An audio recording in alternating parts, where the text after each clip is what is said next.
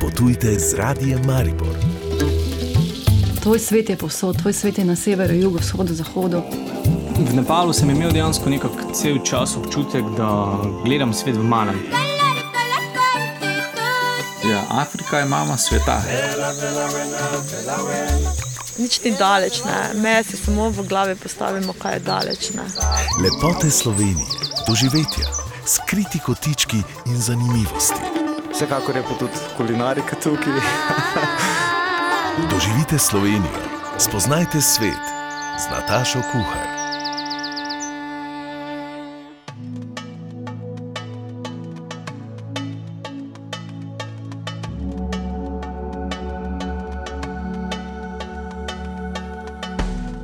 Pozdravljeni, čeprav vreme zadnje dni ali pa že kar tedne ni ravno primerno za izlete, vam v turistični oddaji vendarle ponujamo namige za nje, za takrat, ko bo znova sijalo sonce. Tokrat vas bomo povabili na dve zelo zanimivi točki severovzhodnega dela naše dežele. Najprej se bomo ustavili v zasebnem geološko-paleontološkem muzeju Pangeja v Dragoni vasi v občini Kidričevo, zatem pa se bomo odpravili na Kok, po mnenju mnogih najlepši del vinorodne dežele Podravje. Ob tam nas bo pot peljala še čez lužo, tudi tokrat na potepanje po Mehiki. Vabljeni k poslušanju.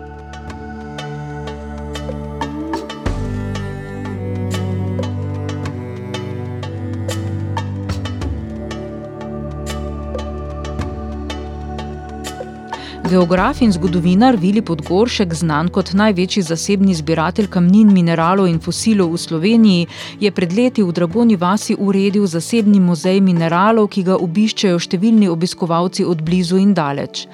V njem je na ogled več kot 10 tisoč mineralov, kamnin in fosilov z vsega sveta, razstavljenih po tematskih sklopih. Nedavno je za našo petkovo oddajo malo naokrog muzej obiskala Katarina Klep Črnejšek in se podrobneje pozanimala o mineralnem bogatstvu Pohorja.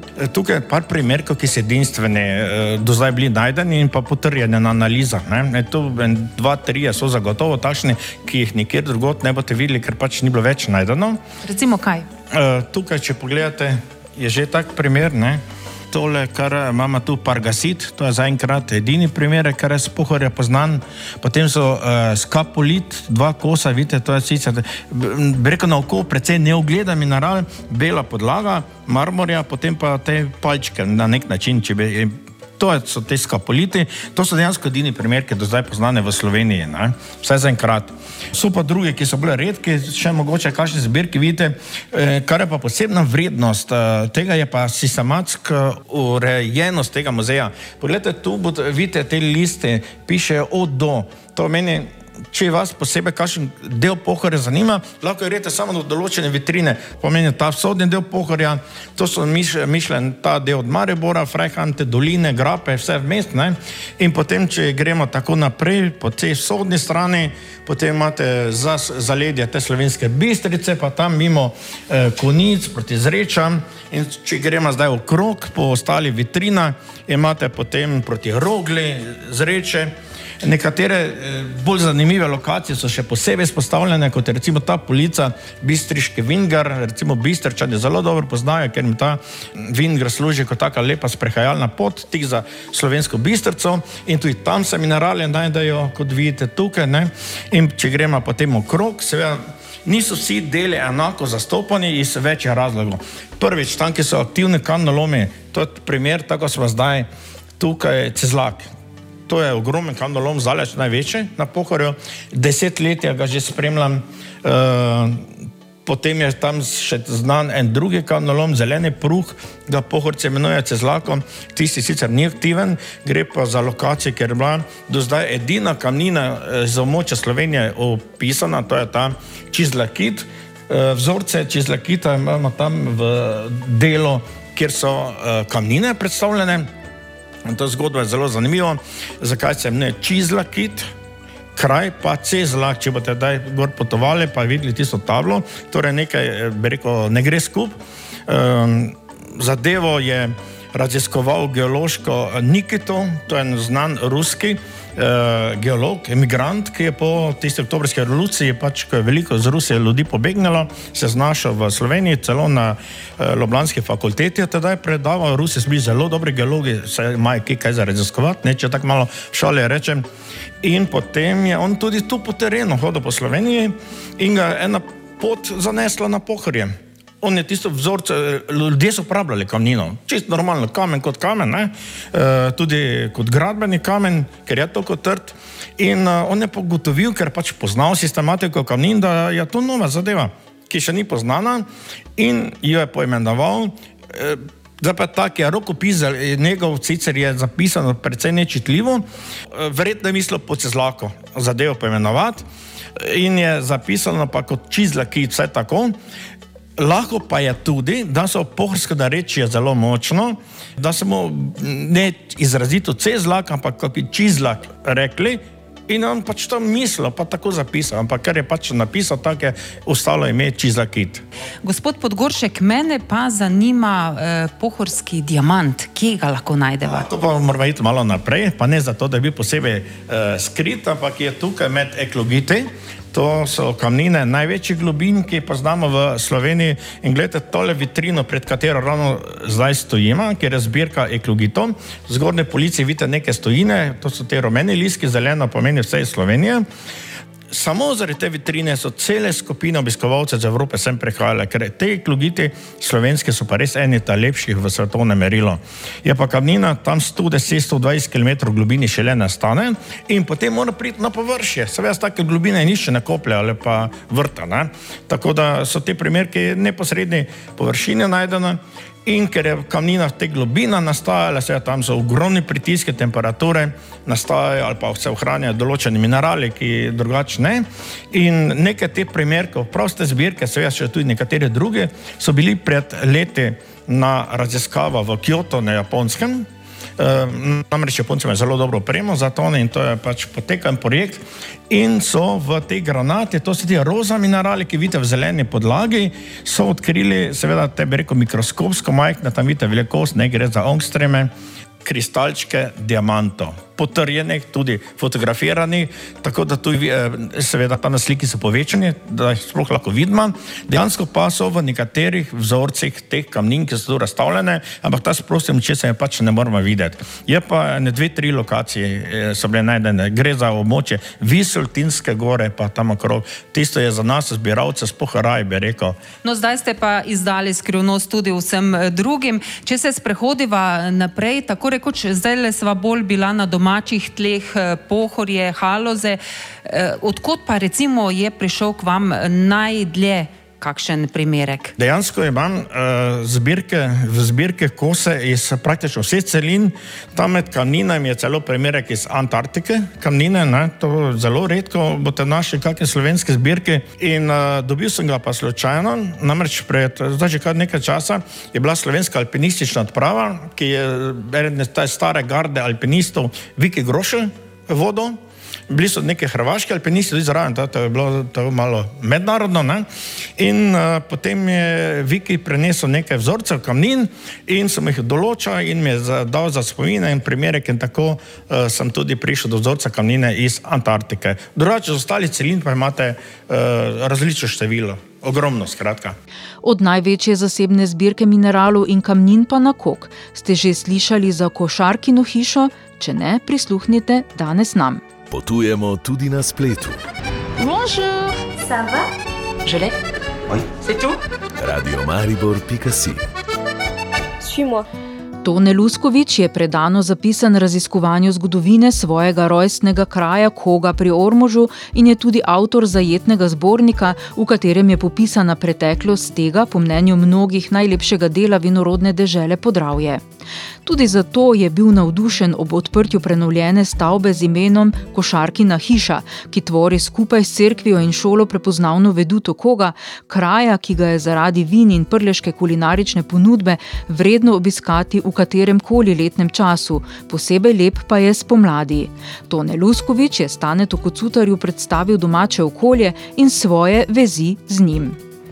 Jaz sem sicer eh, zelo zgodaj zapustil svoj rojstni kraj, ko sem bil v tujskem internatu, eh, takrat, ko sem pač hodil v gimnazijo na Ptuju. Pozneje sem študiral v Ljubljani in ko sem se vr- vrnil z študija, sem se zaposlil v Ormožu. E, jaz se še danes šalim, pravim, da sem bil skoraj 40 let na začasnem delu v Ormožu, kajti takoj, ko so nastali pogoji, ko sem si uspel tu ustvariti neko bivališče na kogu, so vas se soprogo in z otroci vrnili na kog. Skratka, korenine sem pognal tu in verjamem, da bodo tudi ostale eh, korenine zakopane. In zato bom rekel, ker me je več čas neka, ne bom rekel, da je bilo to domotožje, ampak čutil sem se povezan z rojstnim krajem in zaradi tega sem tudi vso svoje raziskovanje na področju ljubiteljskega raziskovanja zgodovine posvetil temu svojemu rojstnemu kraju, prelepemu kogu.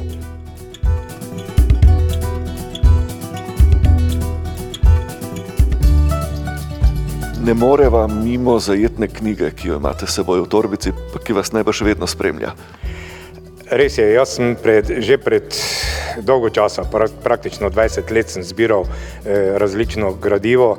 Bil sem svoj čas tudi v uredniškem odboru zbornika Ormož skozi stoletje in takrat me je eh, Peter Pavel Krasinc eh, navdušil pra, praktično nad tem, da sem začel zbirati eh, arhivske vire o svojem rojstnem kraju. Bil sem praktično zelo presenečen, da za tudi najmanjši kraj v Sloveniji obstaja toliko eh, arhi, arhivskih virov in če se le najde kdo, sicer moraš biti malo poseben človek, da sediš v arhivih zaprašenih in svoj prosti čas pač uporabiš za to. Ampak jaz sem začel to zbirati, potem mi je to ležalo doma in ko so otroci z osnovne šole začeli včasih hoditi tudi pa iskati podatke o svoji vasi, sem se odločil, da praktično ne bom tega sebično čuval za sebe in sem se leta 2009 sem izdal kroniko tega svojega rojstnega kraja, ki je pravzaprav neke vrste krajepis in zgodovinopis, tako kot so nekoč rekli, temelji pa, to je izključeno kronika, ki temelji na arhivskih virih, torej ni roman, ni lahko branje. Prejle ste mi povedali, da je bil kok leta 1945 na nek način podoben Hirošimi. Je verjetno je kar pravi izraz. Na kogo, če pridejo danes turisti, praktično ne bodo našli nobenih ostalin preteklosti. V etnološkem smislu ta kraj ni zanimiv, ni starih zidanic, najti slamokritih hiš, to, kar bi pričakovali od takšnega vinogradniškega območja.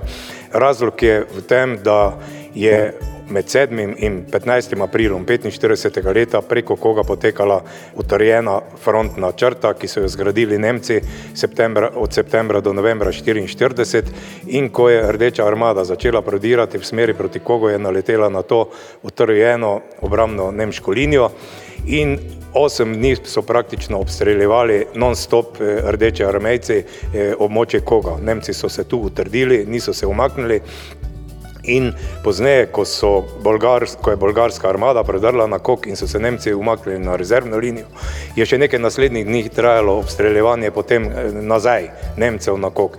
Kok je bil praktično leta, spomladi leta 45 sama ruševina, 274 stanovanjskih hiš, 273 gospodarskih poslopij je bilo porušenih, ostalo je delno poškodovanih, primernih za bivanje samo 58 hiš na kogu.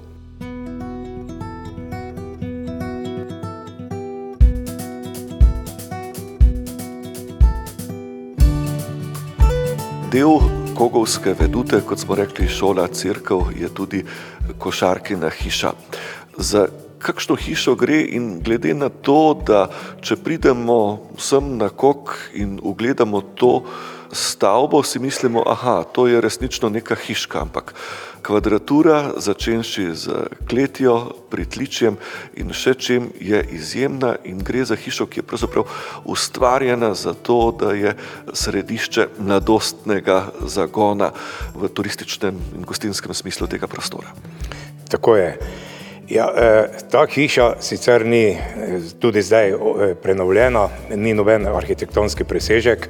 Zgradila sta jo dva slovenca, sicer avstrijskega državljanstva, Benedikt in Filomena Zenkovič, okrog 1870. leta sta jo začela graditi in zgradila sta za kogovske razmere, ker je bilo to viničarsko območje mogočno zgradbo. Vinogradniško eh, domačijo, ni to mogoče v kategoriji tistih eh, gospodskih zidanic, kot je Malek, eh, železne dveri in podobno, ampak za kogovske razmere je bila to mogočna hiša, celo nekoliko atraktivna, ker je imela nek stolpič v sredi. Potrebno pa je bilo eh, takšno eh, ali pa gradnja tako velike hiše tudi iz tega razloga, ker sta ta dva zakonca imela na kogo 25 hektarov vinogradov, veliko posest in preselila sta se sem, ko sta zgradila hišo, eh, no potem pa je življenje pač obralo čudna pota, različne usode teh stanovalcev so se dogajale, predvsem ko je Zenkovič umrl in je vdova Zenkovič ostala sama, se je začela zgodba, bom rekel, razpletati, ampak ta zgodba je tako zanimiva, ki jo pripovedujemo ljudem, ki pridejo obiskati to hišo, eh, traja skoraj predolgo za eno oddajo. Mogoče še bo kdaj priložnost, eh, da povemo eh, o vsem tem, kar se je pravzaprav dogajalo v tej burni zgodovini. Stopiva desetletje nazaj. Želja, prepričanje, hotenje, da je treba to hišo obnoviti, dati vsebino, je bila premalo, ampak korak za korakom vas je pot pripeljala do današnjega trenutka. Res je, kar deset, deset let je trajala obnova, zgradba je kazila, Kogovsko veduto, tako kot ste sami rekli, že ker tvori značilno Kogovsko veduto, poleg cerkve in šole. Kazila je to zato, ker je bila eh, predvsem gospodarski del je bil zelo zanemarjen. Razlog je tudi v tem, da je na koncu to bilo bivališče za socialno ogrožene stanovalce in vemo, kako se vzdržujejo takšne zgradbe. Tudi občina takrat ni imela velikega posluha za vzdrževanje te zgradbe, pa tudi sami stanovalci niso skrbeli za njo. In zgradba je klavrno propadala in je kazila torej kogovsko podobo. Več let je bila želja vodstva krajevne skupnosti in v dogovorih z občino smo končno v letu 2012 uspeli pridobiti tudi evropska sredstva, se zavezali zavezali, da bomo prenovili hišo takšno, kot je bila nekoč in da bo služila za turistične namene. To nam je v treh fazah končno uspelo in danes ta zgradba služi v turistične namene, tako kot je že bilo povedano. V njej imamo tudi majhno etnološko zbirko. Skratka, vse spominja na pretekle vinogradniške čase. Potujte z radijem Maribor. Tvoj svet je povsod, tvoj svet je na severu, jugu, vzhodu, zahodu. Doživite Slovenijo, spoznajte svet.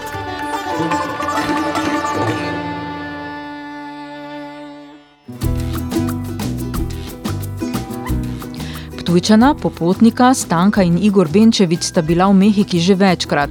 Letos pa sta se tja vrnila, da bi ponovno obiskala kraje, kjer so pred slabima dvema desetletjema uživali skupaj s čerko Doro.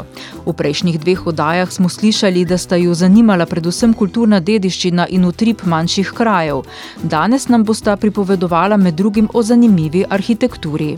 Ja, ravno taka kombinacija, ne, seveda ti njihovi cokali, ti trgi, ne, ki so zelo luškani, prav ta kolonialni eh, stil, ampak eh, ustvarjajo pa življenje v mesto, ne, in je res in tudi eh, te barve, ki so pa jih potem še dodali, skombinirali, ne, pa, je, pa dajo specifičnost, ne, potem te Mehike, ne, da, da jo ločuje od, ne, ti cokali so res tak, da imaš prav občutek, da si nekje v, eni, ne, v, v Španiji, ne, barve pa seveda imajo svoje. Ne? Ja, s tem, da mi dva smo zelo ljubitelja naravnih barv, ne? se pravi, ne kričečih barv. Ne? In to je tudi Mehika, ne? vse barve so zatemnjene, ne? tam nič ne, ne žari ne? in pazi, pazijo na to. Ne? Oziroma jim neka kmečka logika narekuje. Ne? Kar pri nas imamo včasih s kakšnimi fasadami v Sloveniji. Ali pa se nama ne zdi. Težave, ne. Ali pa se nama ne zdi, da žarijo, ne, ker smo mogoče malo bolj, so nam všeč barve v vsakem primeru, ne. Je pa res, tako je rekel, ne, mene jezi, čeprav zdaj se je malo to umirilo, zdaj, se, zdaj pa šlo pr, drugo skrajnost, da je pa preveč belo, sivih, ne, tako kot je mrtva, mrtvaki izgledajo te hiše v naši okolicah in posod, ne, se mi zdi vseeno, je potrebno nekako se zliti z okoljem, z naravo, nekako uporabiti te barve, ki so prisotne, recimo, ne, da to nekako lepo funkcionira, ne. Tudi modernizem lepo zgleda v barvah. Ja, zdaj smo celo ugotovili, da ti ljudje v teh državah ne potrebujejo sončnih očal, ne. Zato, ker ne uporabljajo bele barve. Ne. Čim ti daš nekam belo barvo, greš na ulico, bel beton, ono tretjo, to vse zahteva. Ne, in, ne, in prav z tega vidika smo slišali od enega domačina, sicer ne v Mehiki, ampak v Maroku, da imajo vse peščinato oranžno, zato da jim ne bode, bode v oči izpostavite še kakšno mestece, kakšno zanimivost, kje, ki vas je impresionirala, ki vam je dala še posebej kako energijo ali se ja. vam je kakšna dogodivščina no, zgodila? Tam v San Miguel eh, Allende, ne, to je v bistvu nad zraven Guanajuata, to je res eno tudi eno krasno mesto, kjer je ravno v te, teh barvah, vse je v tako oranžkasto, rdečkastem eh, tonu. Mm, tam je v bistvu ena, en zelo luškan eh, iz stare predilnice, tkalske, Eh, tkalnice, ne, eh, so naredili um, res noro, noro umetniško eh, zadevo. Ja, lahko bi rekli, da sto ateljejev in trgovinic in starinarnic so dali v en kompleks. In, in to je res na takem nivoju, tudi izbrani umetniki, in je res samo hodiš in gledaš. Ampak je pa tudi se vidi, da je kar nekaj američanov si začelo tam nepremičnine kupovati in očitno je to vse za sabo pritegne. Eh, ja, da take stvari so mogoče, če imaš kupce. Spravi, vedno lahko nekaj prodajaš in delaš in tržiš, če je nešče, ki nekaj kupuje. Ne. Sicer ima to negativne stvari, se pravi, nepremičnine grejo v nebo, ne. ampak so pa pustili vse avtentično, ne. se pravi, tam ni nobenih, tudi če kakšna mogočna zgradba je, je pod nadzorom neke barstva. Teda, mi, da smo res eh, uživali v tej eh, lepoti teh mest, ne, to nam je predvsem bilo. Ne morem priznati, da, ne, ne, da se nimamo zdaj nekega takega, nič ni tako izstopalo, niti v negativno, niti v pozitivno, da bi zdaj nekaj, ne, eh, nekaj bilo, wow, nekaj, kar je bilo. Eh, ja, če bi bila prvič, bi bilo, je, so ta čustva dosti močnejša.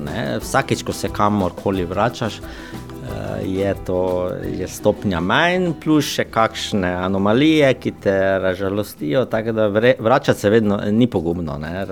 Zdaj smo se res napajali na detajlih prav lezla sva v detajle, prav pazovala sva jih ne, globije, nekako vse te čute, čute smo nekako globije vklopila ne, in eh, je delovalo, ne, se pravi, kot da si nekje, ravno to, da si nekje bil dal časa, da si malo začutil eh, ta uh, utrip ne, in, vse, in, si, in si bolj črpal, ne, in se mi zdi, da je prav um, tako. Tak, Uh, toliko, koliko je bilo, recimo, sama pot je naporna, potem ko se tam v tistih mestih ne, uh, gnezdiš, ne, dobiš neko lepo prenočišče, si recimo zadovoljen, ker glede na to, da iščeš tam, zdaj imamo, hvala Bogu, ta sisteme razne uh, rezervacijske, da lahko tudi, ker prej si mogel iti, prejšnja potovanja so izgledala tako, da si pač nekaj zbral, šel si potrkati, oziroma vprašal, oziroma nekako si iskal neko po naključju, ne, zdaj lahko to izbiraš, si nekam sedeš, praviš, kaj bomo pa danes prespali oziroma jutri ali kako koli pač že, in najdeš nekaj luškanega. In, ne, tu, ja, pa, knjige smo brali, kar ja. doma ne gre. In, in dosti krat rečemo, da je Ptuj je tudi eno tako mesto. Se zatakne eni ljudje tudi po več dni, ampak je treba imeti še kakšno knjigo zraven. Ne? Ni treba, da je zdaj polno nekih doživeti. Ne? Imaš sprehod, pa knjiga, pa sprehod, pa knjiga, pa lahko to zelo nepozabno, če je knjiga dobra. Ja, knjiga je lahko inspiracija za naprej, ne? ker ko meni prišli recimo od Alme Karlinta Malik, ne? ki operujo, govori zelo tako duhov, poglobljena, veš, zanimiva knjiga. Ne? Sem bila prav tisto, ne sva kar že dobivala neke impulze za, za naprej, recimo, kar nas tudi, najo tudi že nekaj časa vleče, recimo, ne? v neke take dežele še, recimo, ne prihodnosti. Lahko rečemo, da ima Mehika le še malo krajev, ki niso tako zelo turistično oblegani. Ja, bolj so od nekih so v stran poteh, ne?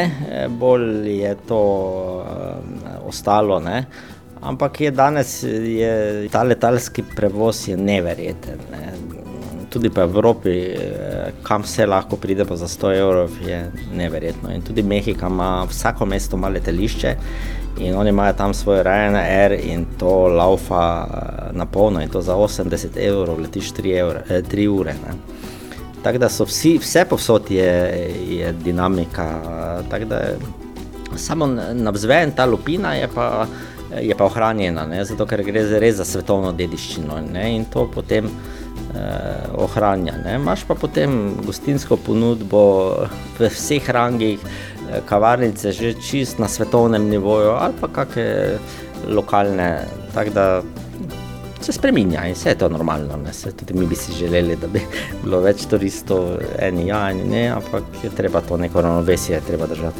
Ja, zdaj mi smo res imeli pri tem eh, potovanju strategijo, da obiščemo mesteca, ki smo jih takrat. In zanimivo je, da tudi ena, ki niso bila prej turistično, še recimo, ne, ko smo takrat potovali, sva zdaj začutila. Tako da smo v bistvu res na koncu, zdaj bi mogla iskati neka nova, neke nove, neke nove male kraje, ampak tu pa potem bi rabila uh, več uh, časa, recimo, ne, ker sem so na, na, so, smo srečevali ljudi, ko so naj potem tudi napotili v, ne, ampak sva potem vseeno hotela videti to, kar sva in sva že videla, da že tu mama potem rahlo časovno stisko glede na najn način potovanja, recimo, in svaraje potem ohranila nekako to pot, ki pa so seveda vsa ta mesta imela nek tu, dovolj uh, turistični utrip in tudi dovolj, t, da sva začutila, uh, kako lokalci dihajo tam. Ne.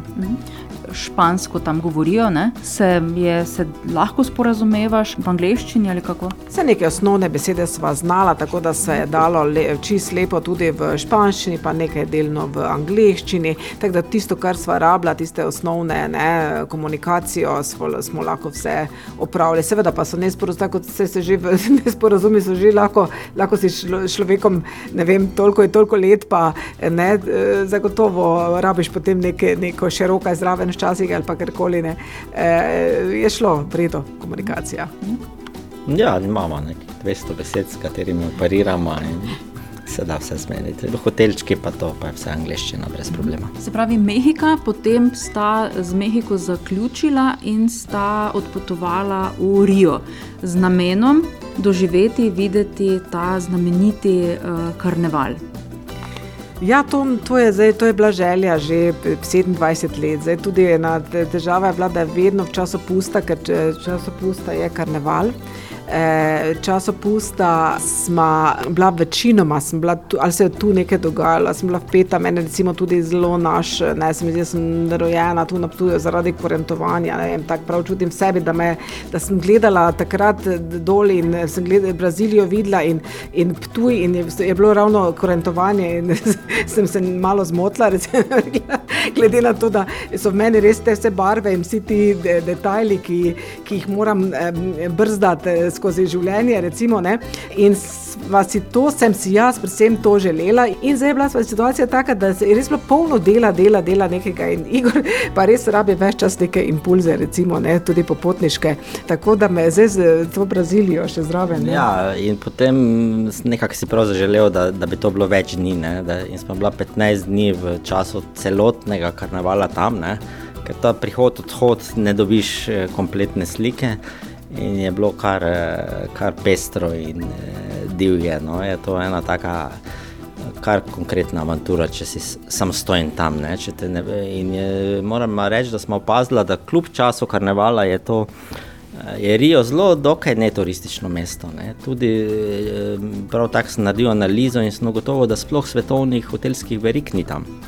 Zato, ker je mesto kar malo tako avanturistično. Ne, je, je, je verjetno se kom, kaj dogajalo, kaj je bilo dosti teh kraj, če nisi pazljiv. Ne? Uh, ampak nama se nič ni zgodilo, uh, je tako zelo avtohtono uh, mesto, je, ne? predvsem domačini. Ti priješ na Kopakamano in, in je 2% turistov, ne? so oni sami tam. Ne? Uh, in tako da na to naj je zelo presenetilo, ne? da si prišel res avtohtono brazilsko mesto, bi lahko rekel. Ne? Čeprav imam občutek, da je to en globalni, kako bi temu rekel, Disneyland, pa ni. ni. Tam oni res, zares živijo v vseh blokih, v vseh hišah. To niso Airbnb in tra, ne, ni, ni tega toliko. Njuna pripoved se bo nadaljevala z opisom znamenitega karnevala v Rio de Janeiro, vendar šele danes teden, ko vas spet vabimo k poslušanju. Avtorja današnje oddaje Zoran Perko in Nataša Kuhar se za zdaj poslavljava, oddajo pa po želji že najdete v spletnem arhivu in aplikaciji za podkaste. Potujte z radijem Maribor.